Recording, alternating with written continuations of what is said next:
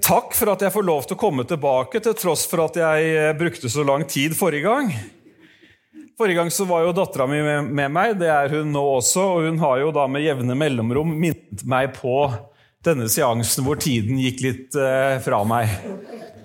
Men er det ikke sånn da, når man er sammen med gode venner og praten går livlig, at det plutselig forsvinner en time eller to? Er ikke det helt vanlig i Drammen også? Jo. Men det er jo altså sånn at jeg brukte så mye tid forrige gang at jeg har fått en bestilling på en andakt på 17 minutter i dag. Så jeg skal prøve å holde meg til det, cirka. Her om dagen, eh, For noen uker siden så var jeg på vei til gudstjeneste. Og jeg og Philip vi satt i bilen. Julia og Emily de hadde allerede reist inn, for de skulle være med i lovsangen. Og så kjører vi ut på på veien like borte for der vi bor, og så kommer det gående en mann med Bibelen. Sånn gikk han. Tydelig, liksom. Det var ikke sånn der 'jeg har en bibel med meg', eller et eller annet sånn. Men veldig tydelig så, så det, sa jo hele han at 'jeg skal på gudstjeneste, og jeg har med meg Guds ord'. Og du vet, det er jo ikke noe som kan varme et pastorhjerte mer enn det. Og i dag så skal vi holde oss eh, selvfølgelig i Guds ord, og ganske mye i Guds ord også. og Det er en ting som fascinerer meg med Bibelen. Du vet Mange av de andre hvis vi kan kalle det religiøse skriftene som fins i andre religioner og andre trosretninger, mange av de har blitt til på en veldig sånn overnaturlig, kan du kalle det, en veldig spesiell måte. Mange av de har et språk og en kontekst som kan oppleves ganske fjernt. Hører jeg i hvert fall mange si, og leser jeg når jeg hører om de. Men Bibelen, det er historien om oss mennesker. Er det noen mennesker her? Hvor mange av dere regner dere som menneskelige, jordiske? Ja, Det er bra. Dere som ikke er det, vil jeg gjerne snakke med etterpå. For da er det ganske spesielle tilstander i Drammen hvis det er eh, Nei da. Men, men du vet, Bibelen er denne fantastiske historien om at mennesker som deg og meg prøvde å få det til. Vi fikk det ikke alltid til, men ved Guds nåde så kom vi oss på beina. Og ved Guds nåde så har vi blitt ført framover og blir stående. Jeg skal vise dere et bilde, og vi kan se Se her, ja. Her var eh, skjermen nå. Det er mange som kjenner igjen det bildet. Noen som har det på veggen hjemme i stua eller et annet rom. Nei, Dette er jo et utdrag av et bilde som egentlig er veldig mye større, av Michelangelo. han kjenner dere jo alle her. Dere er jo kulturelt bevandret i Elvebyen. Og Adams skapelse heter dette bildet. Og Hvis vi hadde hatt hele bildet her, så hadde det vært bilde av eh, eh, et menneske som strekker ut hånda, og Gud som strekker hånda ned. Altså tilblivelsen av mennesket. Og I dag så skal jeg snakke om denne koblingen. Denne koblingen mellom det guddommelige og det menneskelige, det himmelske og det jordiske. For det er nemlig sånn at selv om alle her bekjente at vi er jordiske, vi er menneskelige, så har det faktisk skjedd en guddommelig kobling ved at vi har tatt imot troen på Jesus Kristus. Og den forbindelsen som vi ser så fantastisk utført her av en kunstner, det er mer enn en realitet på et lerret. Det er noe som faktisk angår din og min hverdag. Og Du skal få fem sånne koblinger servert på løpende bånd nå. Og De har starta nedtellingen, og jeg har nå brukt stemmer at jeg allerede har brukt 4,5 minutt. Jeg tror han der bak lurer meg. Det. Så fort Så fort kan ikke tida gå. Ok, vi kjører i alle fall på. Og Jeg skal holde meg i, jeg meg i Romerbrevet kapittel 5, og vi skal gå over i Romerbrevet kapittel 6. Og du vet, Prekener kan være litt forskjellige. Noen ganger så er det masse gode historier, og så er det Johannes 3, 16 på slutten. Eh, andre ganger så er det masse bibelord, og så er det ikke så mange gode historier. Og det er det siste versjonen som er i dag. Ok? Hvis du har med Bibel, eller har Bibel på mobilen, så slå opp Romerbrevet kapittel 5. Og hvis du vil ha den samme teksten foran deg som du får på skjermen, så må du velge Hverdagsbibelen. Det er jo deg som har digital bibel da. dette her i første omgang gjelder. Det er Hverdagsbibelen jeg henter disse skriftstedene, skriftstedene fra. Og hvis du vil og det er jo min bønn, da. Mitt ønske er jo alltid når jeg preker en søndag, at det jeg sier, blir med utover i uka. Ok? Så hvis du tenker at eh, Det kan du avgjøre når vi er ferdig, men hvis du tenker når vi er ferdige å snakke i dag at det her, det vil jeg tenke litt på utover uka, så kan du jo laste ned et sånt bilde av de to, eh, av denne koblingen og ha det som skjermspare på mobilen din. eller et eller annet. Men jeg skal snakke om fem koblinger som jeg mener er ikke bare mener er, men som jeg vet at er noe som påvirker hverdagslivet vårt. Og det er en gang sånn at det er hverdagsliv det er mest av. Det har du kanskje oppdaga? Eller er det mest fest i Drammen? Nei, det er hverdag her også, tror jeg. Det første jeg har lyst å, å, å peke på, er dette. Kobling ved tro.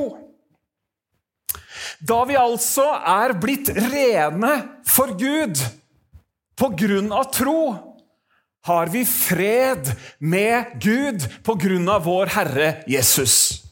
Ved troen på Han har vi fått oppleve Guds nåde. Ja, vi står midt oppi den. Nå kan vi glede oss over håpet om at vi skal få være med Gud i Hans herlighet.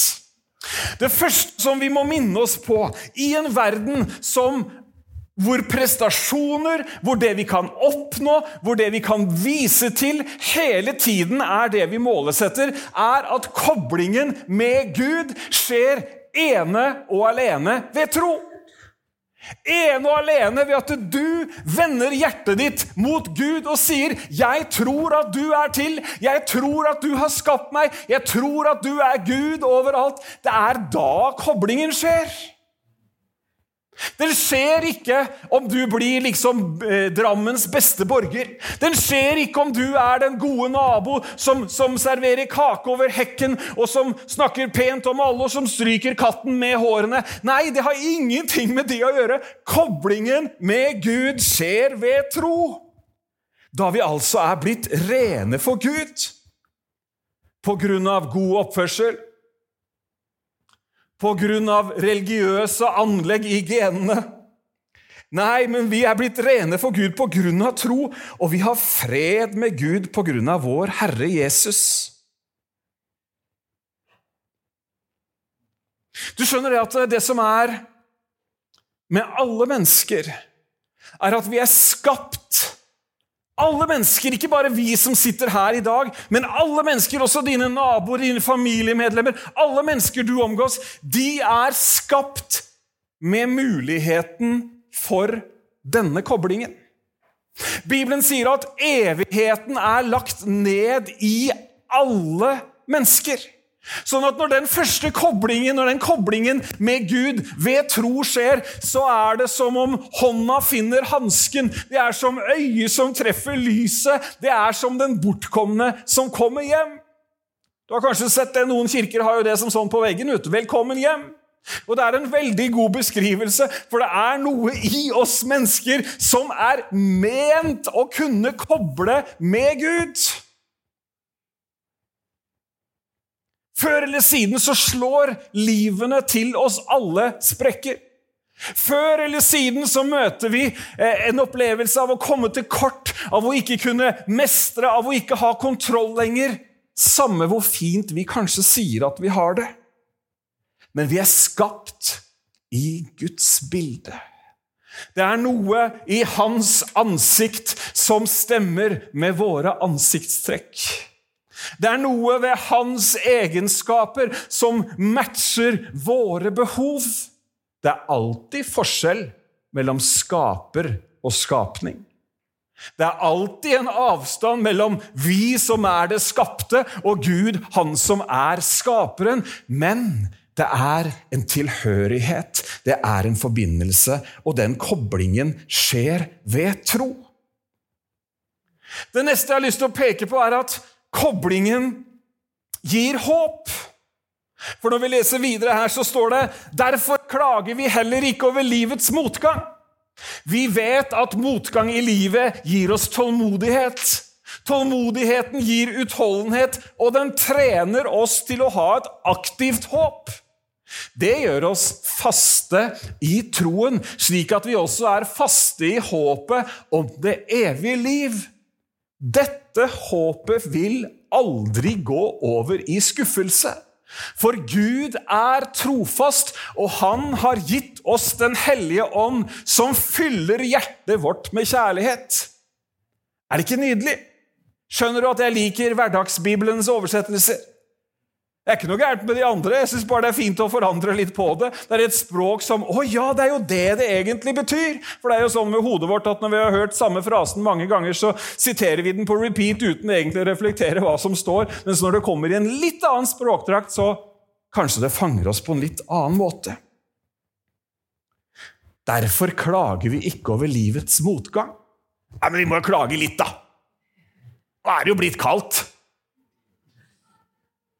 Jeg syns vi nordmenn er morsomme. Vi klager når det er kaldt, og så fort Herren skrur sola på en dag i juni, og det blir litt Å, det er så varmt!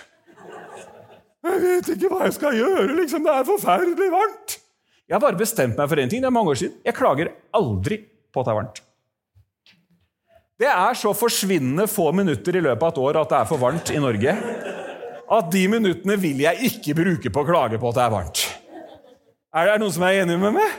Kjære min tid, de fleste betaler jo titusenvis av kroner for å få den varmen som vi klager på.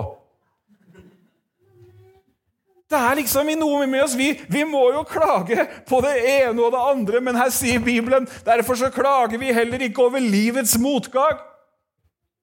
Nå handler ikke det så veldig mye om været, men det handler jo om at i livet vårt så treffer vi på motgang både på den ene og den andre måten. Men du skjønner jo at motgang det er, også, det er også en god side ved motgang. For det er noe med det derre håpet som får trent seg opp litt. Har du sett disse holdt på å gærningene som løper rundt med et dekk bak seg når de er ute og jogger? Har dere sånn i Drammen? Milde måne. Jeg så en. Han var ute og jogga med et dekk bak seg i en kjetting og en vektvest på seg. Altså, er det ikke tungt nok å løpe som det er?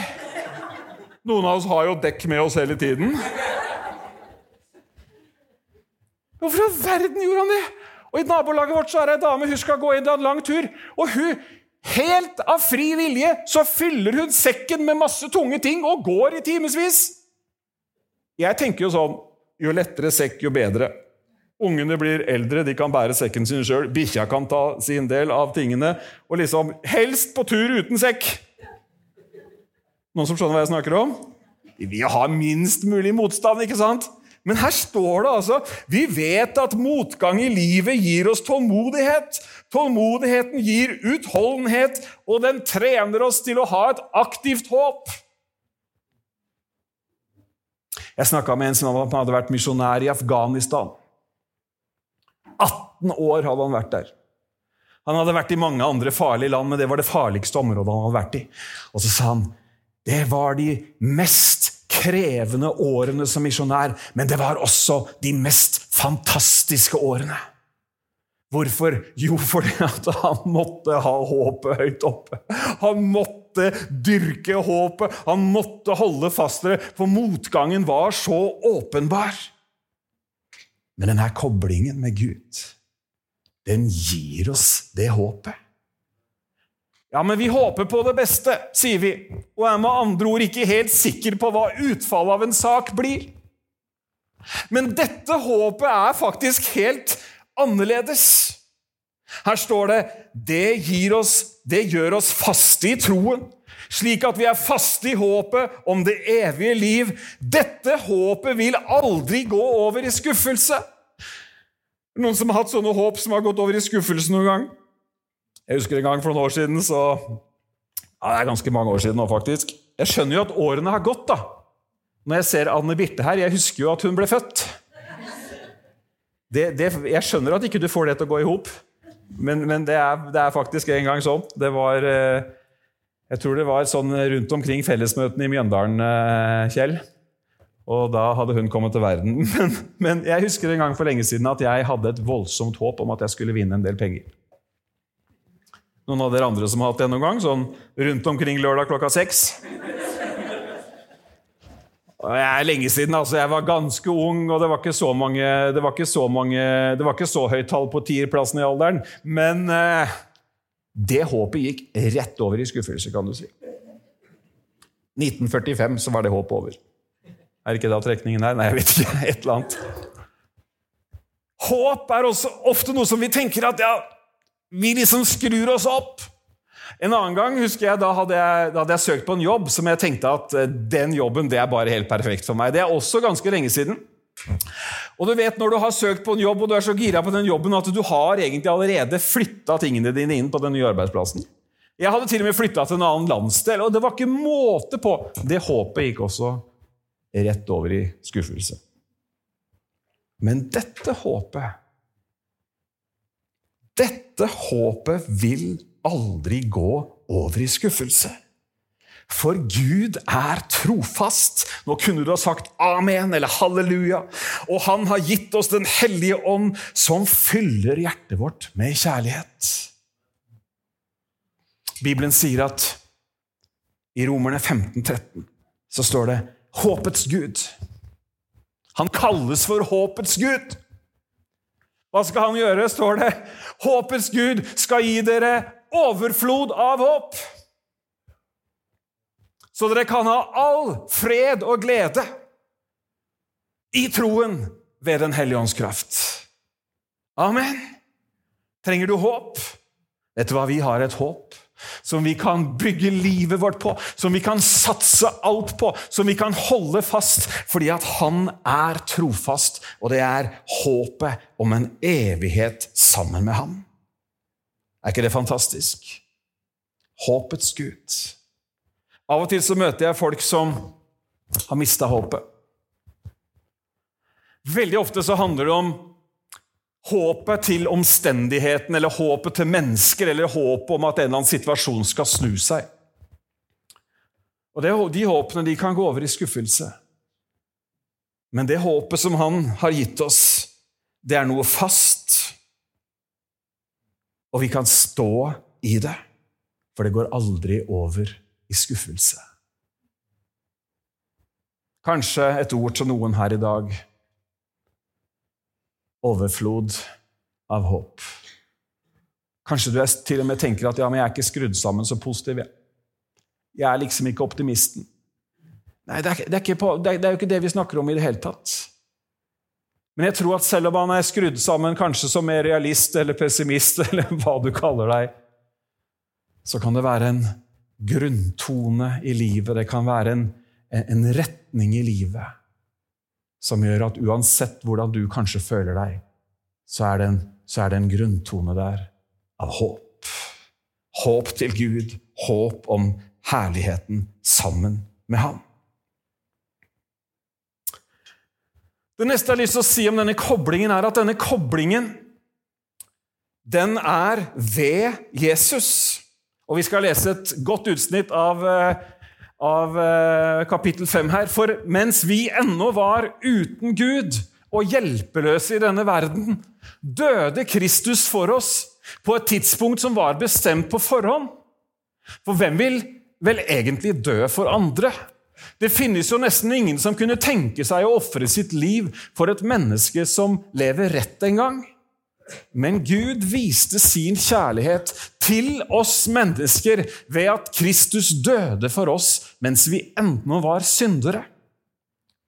Nå som Jesus ved sin død og sitt blod har betalt vår synd, kan vi være trygge på at han også vil frelse oss fra å bli dømt av Gud. For vi var Guds fiender, men nå har vi fellesskap med Gud. Koblingen på grunn av hans sønns død. Derfor kan vi, nå som vi er Guds venner, også være trygge på at Hans sønn vil redde oss fra den evige fortapelse ettersom han sto opp igjen fra de døde.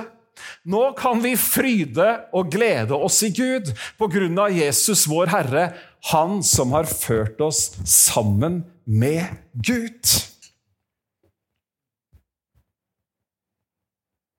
I Hebreerbrevet så står det at han har åpnet en ny og levende vei.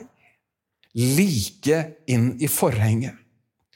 Jeg syns det er så fantastisk at denne koblingen den har ingenting med hva du og jeg kan gjøre. Det er ikke pga. gjerninger, sånn at noen skulle kunne rose seg. Nei, det er bare pga. Guds godhet, og det er Jesus Kristus som har gjort hele jobben. Han døde i ditt og mitt sted.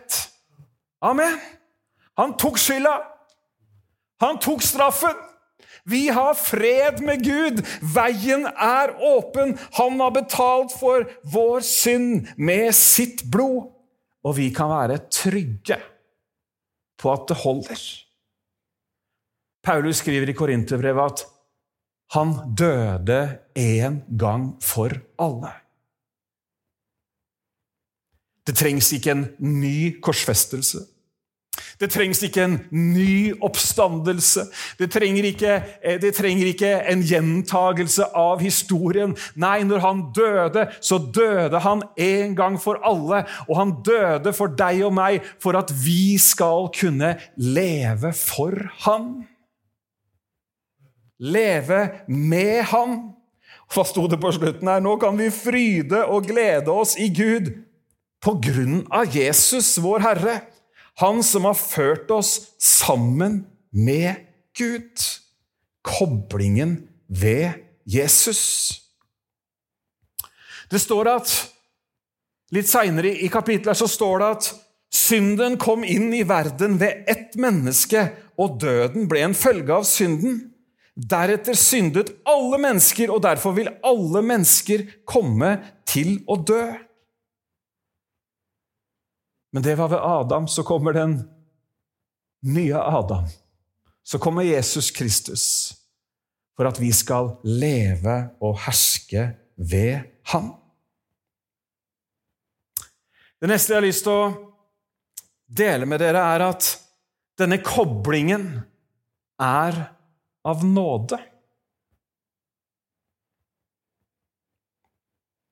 Her står det 'menneskene etter Adam fortsatte bare å synde. Slik og slik holdt de på helt fram til Gud kom med sin nåde og ga dem Jesus. Dermed gjenopprettet han alt. La den setningen synke inn. Dermed gjenopprettet han alt. Hva var det han gjenoppretta? Jo, han gjenoppretta den samme relasjonen som Gud hadde med Adam og Eva, som var skapt av han, og som var skapt til fellesskap med han, og som var skapt til å oppleve alle de All, all, den godhet og all den frukt og alt det gode livet i Edens hage. Dermed gjenopprettet han alt. Synden til den ene mannen førte til at alle ble dømt, mens synden til alle mennesker førte til at Gud viste oss nåde og tilga oss. Gud har overflod av nåde som han velvillig deler ut til alle mennesker som tar imot Jesu offer for dem. De skal ha liv og herske ved den ene Jesus. Det er fantastisk. Det er egentlig helt rått. At Gud har overflod av nåde som han velvillig deler ut til alle mennesker som tar imot Jesu offer for dem. Vet, Ofte så har nåde bare blitt juridisk, et, et juridisk begrep. Ikke sant? Vi har fått noe som ikke er fortjent. Men hør her, kjære venner. Nåden er ikke bare at Gud har holdt vreden tilbake og vist sin godhet ufortjent mot oss, men nåden gjør noe langt mer i livene våre. Hva leser vi om apostlene? Og stor nåde var med dem. Ble de frelst en gang til? Nei, nei, nei. Men nåden er den godheten, den kraften, som faktisk gjør at vi kan leve og herske på grunn av det Jesus har gjort. Nå høres kanskje det å herske det høres jo veldig negativt og vi, vi leser jo om hersketeknikker her og der. Men herske i denne betydningen dreier seg om å kunne kontrollere det som kommer din vei, fordi at du tilhører lyset og livet og ikke mørket og døden. Derfor skal ikke lenger synden herske over dere. Sier Paulus. I vers 20 Det vet jeg ikke om det kommer der, men det får vi se. Jo da. Gud, da Gud ga menneskene Moseloven, ble det enda mer synlig hvor mye galt menneskene egentlig holdt på med. Men der synden ble stor, ble Guds nåde enda større.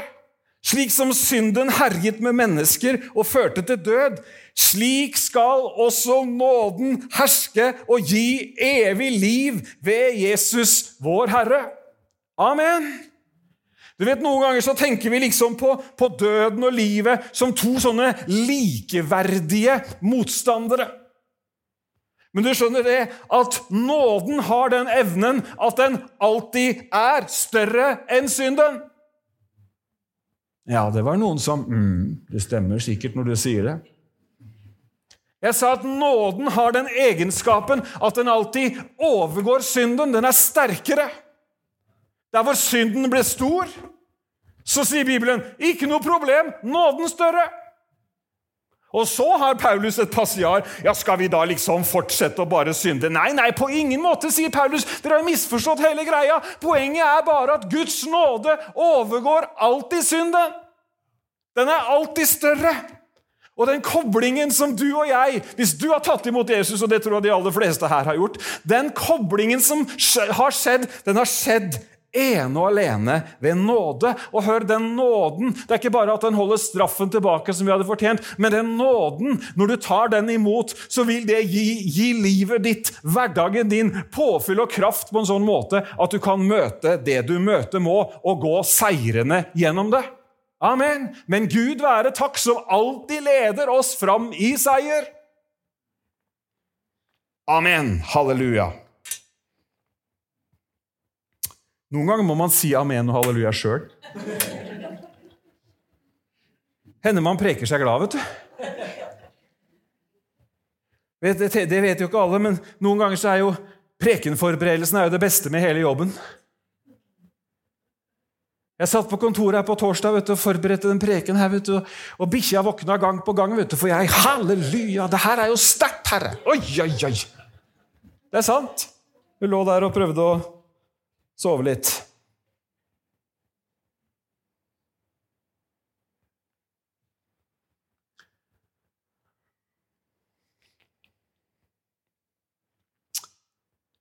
Adam gjorde en feil, og sikkert flere feil. Men når Gud kommer med sin redningsplan, så er den så altomfattende så er den så totalt gjenopprettende at vi blir de vi er ment å være. Hm. En nåde som er så rik og stor, en redningsplan som er så kraftig at den overgår absolutt alt. Og dere, det har så mye å si for oss det er så mye å si for oss at vi har noen av disse tingene så innabords, så langt oppe, at vi skjønner hva Gud har gjort, at vi skjønner hva denne koblingen inneholder, at vi skjønner at det er, det er en kobling ved tro, det er en kobling som gir et håp, det er en kobling som har skjedd ved Jesus, og den har skjedd pga. Hans nåde. Og så har jeg lyst til å avslutte med dette, for nå er jeg 13 sekunder på overtid. En kobling i dåpen. Vi går over i kapittel 6, og vi leser. Vet dere ikke at alle vi som ble døpt til Jesus, ble døpt til hans død? I dåpen viste vi oss villige til å følge ham og bli begravd med ham. Slik som Kristus ble reist opp fra døden på grunn av Gud, slik skal også vi bli reist opp med ham. Hvis vi i dåpen kobles til hans død, da skal vi også være ett med han i et liv sammen med han etter oppstandelsen. Vi kan se for oss at vi lar vårt syndige menneske bli korsfestet med han. Da vil ikke synden lenger ha den samme makten over oss, og vi vil ikke lenger, vi vil ikke lenger trenge å være slaver under synden. For den som er død, slipper å straffes for det gale han har gjort. Men vi døde med Kristus. Men døde vi med Kristus, da skal vi også leve med Han. Dessuten vet vi at etter Kristus ble reist opp fra de døde, så dør han ikke mer. Døden har ingen makt over ham. Jesu død var en død som gjelder for alltid. En gang for alle døde han for synden. Det livet han lever, det lever han for Gud. Slik skal også dere regne dere som døde for synden, men levende for Gud, siden dere kan skjule dere i Jesus, vår Herre. Koblingen i dåpen. Ja, men Er det så farlig? da? Hvorfor skal vi holde på med de her ritualene med dåp og vann og alt mulig? Det er viktigere enn du tror. Vi tror i hjertet vårt at Gud sendte Jesus Kristus, og vi tror at han døde, og vi tror at han sto opp igjen den tredje dagen. Men i dåpen så gjør vi noe mer enn å bare tro det her inne. Vi bekjenner det også offentlig at Jesus Kristus, at vi er begravet med han, og at vi er oppreist med han. Vi identifiserer oss med det som har skjedd. Og ved dåpen så proklamerer vi det. Vi forkynner at det vi har tatt imot Vi forkynner at vi har tatt imot frelsen, at synden er tatt hånd om. Er det da sånn at synden er totalt borte? Er det sånn at Hvis du døper deg, så merker du ingen motstand noen gang? Ingen fristelse? Can I get a witness? Er det sånn det funker? Du døper deg, og så er livet videre på rosa skyer, og alt er medvind. Nei, på ingen måte. Det er ikke det det står heller.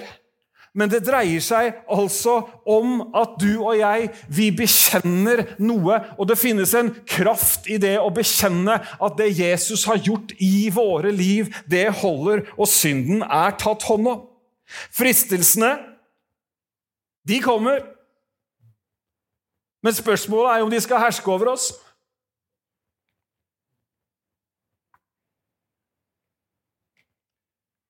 Vi døde med Kristus, og vi reises opp med Kristus til et oppstandelsesliv som er sterkere enn fristelsene. Som er sterkere enn prøvelsene. Og Bibelen er sann. Den lover oss ikke et liv hvor ikke vi møter motgang. Den lover oss ikke et liv uten fristelser. Den sier ikke at det er umulig å falle oss synd. Nei, i synd. Den sier ikke det. Men den sier at ved vår tro og ved vår bekjennelse så har vi fått tilgang til den samme kraften som vekte Jesus opp fra de døde. Jeg har nesten lyst til å si det en gang til. Den sier faktisk at ved vår tro og ved vår bekjennelse, og dåpen er en bekjennelse, så har vi fått tilgang til den samme kraften som vekte Jesus opp fra de døde. Så den koblingen du har, det er Bibelens løfte på at du ikke skal utsettes for fristelser som ikke du kan overvinne. Det er ikke mine ord, dette her, altså. Det er Bibelens ord. Han skal lede oss fra seier til seier. En kobling som skjer ved dåpen. I apostlenes gjerninger og i brevene så ser vi historie etter historie hvor mennesker kommer til tro og blir døpt. Uten fem ukers dåpskurs, uten to år på bibelskole. De tror og blir døpt. En kraftfull bekjennelse. Om et par uker så så kommer jeg tilbake hit, og da, da, tar jeg ikke ansvar for tiden, for da er det en annen enn som skal tale. Jeg skal bare tolke. Men David Flanders, som, eh, som kommer hit om et par uker, han, han fortalte meg en fantastisk historie om en, do, om en dåpshandling de hadde der i England. og de de bruker ofte å ha dåpen i, i, sjøen, og ofte på en, eh, en strand i et turområde hvor det er ganske mange som går tur. og Dette her var en søndag, en fin søndag, det var mye folk ute. Kanskje et par hundre mennesker sto der. Og Så var det noen gutt som skulle døpes. Og Han var en skater, og skater de skader seg jo i ny og ne, så han gikk da på krykker. Han hadde røket noe, noe leddbånd et eller annet sted. Hvor er det leddbåndene her, forresten? Er de Ja, de er der et eller annet sted. Gutten gikk på krykker ut i vannet. Sto der spektakulært og fint, vet du. 200 tilskuere. Og så bekjenner han sin tro. Så døpes han i Faderens og Den hellige ånds navn. Og så reises han opp igjen av vannet, fullstendig breda, og går opp av vannet igjen uten krykker. Han måtte gå med krykker. Det må man visst når et av disse har røket. En bekjennelse av vår tro. Det er kraftfullt.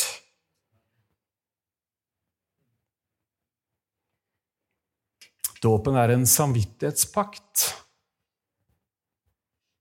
Det er et ytre bevis på at noe internt har skjedd. Vet Julia og jeg vi gifta oss jo for noen år siden. Jeg skal imponere. Det var i 2006. Og vi har jo et sånt bevis på at vi er gift. Først og fremst så er, jo, er det jo en samvittighetspakt. Det er en juridisk pakt også, etter norsk lov. Men det er jo, jeg vet ikke det er, men det hender jo at kjærlighetslivet ikke er helt rosenrødt alle minuttene i døgnet. Noen som kjenner seg igjen i det? Etter latteren på bedømmet så er det noen andre òg. Det, det, hender jo at det kommer en halvtime hvor du lurer på hva du har gjort. Og da kommer hun løpende, vet du. Med vigselsattesten. Nei da, hun gjør ikke det. jeg, vet, jeg vet, faktisk ikke hvor den er engang. Vi, vi har den vel et eller annet sted. Men om noen skulle trenge det, da, så kan vi dra den fram. Der har vi skrevet under uh, for, for, uh, for, godkjent vigselsmann at vi lover hverandre tro og ære. Og det er faktisk noe ved dette som viser at en forbindelse er gjort. En samvittighetspakt, men også som viser at det har gjort noe. Det er, det er sånn, faktisk. Også de sekundene, om de måtte komme, hvor du lurer på om du egentlig er gift med det andre mennesket. Og så er det også Som kristne så møter vi angrep og vi møter situasjoner hvor vi tenker 'Gode med tid, er jeg egentlig frelst i det hele tatt?' Vi trenger jo ikke å rekke opp hånda, men jeg er sikker på at det er noen som har lurt på det. Eller kanskje du har i hvert fall lurt på om ektefellen din egentlig er en kristen. Men vi møter motstand, vi møter angrep osv så er dåpen Jeg er korsfestet med Kristus. Jeg lever ikke lenger selv. Jeg er begravet med Han, blitt ett med Han i dåpens grav, og jeg er oppreist til et nytt liv. De ordene, den bekjennelsen, gir deg kraft til å møte det som du møter. Bekjennelse er viktig. Bekjennelse er ord som kommer ut, som samstemmer med hjertet. Ord som sier en sannhet, og det skaper noe i hele hverdagen, i hele livet ditt. Derfor er det viktig å holde fast på bekjennelsen, sier hebreerbrevet.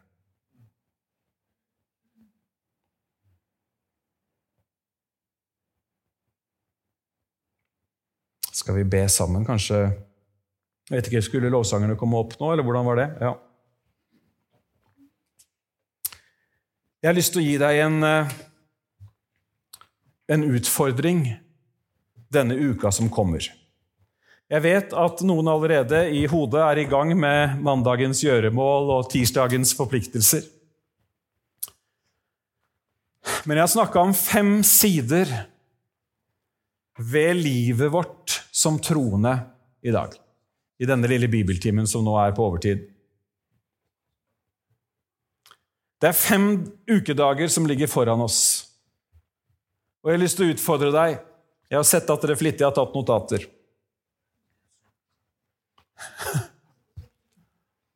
I morgen når mandagen kommer,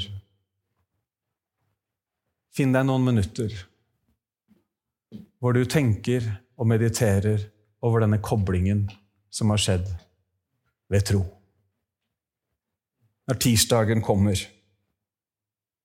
koblingen som gir håp. Håp om herlighet, håp om himmel. Onsdagen. Kobling ved Jesus. Hva var det han gjorde for oss? Jo, han døde en gang for alle. Han tok alt på seg. Og hvis du har fulgt med nå, hva skal vi tenke på på torsdagen? Koblingen av nåde. Nåden er rik, nåden er stor, den er større. Og, han, og vi leste her om nåden vi har fått oppleve. Ja, vi står midt oppi den. Og så kommer fredagen. Og kanskje er de aller fleste allerede døpt. Men kanskje noen også ikke er det. Kanskje, kanskje du til og med har tenkt på det. Vet jeg ikke hvordan prosedyre dere har her, men det er sikkert noe man kan snakke, snakke med. 26. november er det dåp. Da, da, har du tid til å rydde kalenderen om nødvendig. Dåp er fantastisk. Kjære Jesus, jeg takker deg for ditt ord. Takker deg for at du har kommet inn i vår verden. Takk for at ordet ble kjød og tok bolig blant oss. Og vi så din herlighet, en herlighet som den enbårne har fra sin far full av nåde, full av sannhet. Jeg ber Herre om at hver og en skal grunnfestes i din nåde og i din sannhet. Takk at sannheten er vår grunnvoll som vi kan stå på, som vi kan bygge livene våre på. Og så er nåden det påfyllet og den kraften vårt indre trenger. Sånn at vi kan gå ut og være dine vitner. Så vi kan være dine etterfølgere til en verden i store behov. Takker deg for at ditt ord er levende, og at du ved denne enkle andakten har snakket inn i menneskers liv. Pekt på ting som kanskje noen hadde glemt, eller som man ikke hadde så klart for øye. Takk, far, for din omsorg for hver en av oss. Du bryr deg. Du vil oss bare godt. Og du vil vise, du vil åpenbare ordet ditt for oss, sånn at ordet ditt kan bli som mat for vårt indre menneske. Så vi kan vokse opp og bli modne menn og kvinner modne kvinner som, og menn som er i stand til å gi det videre til andre. Takker deg for det, Herre. Amen.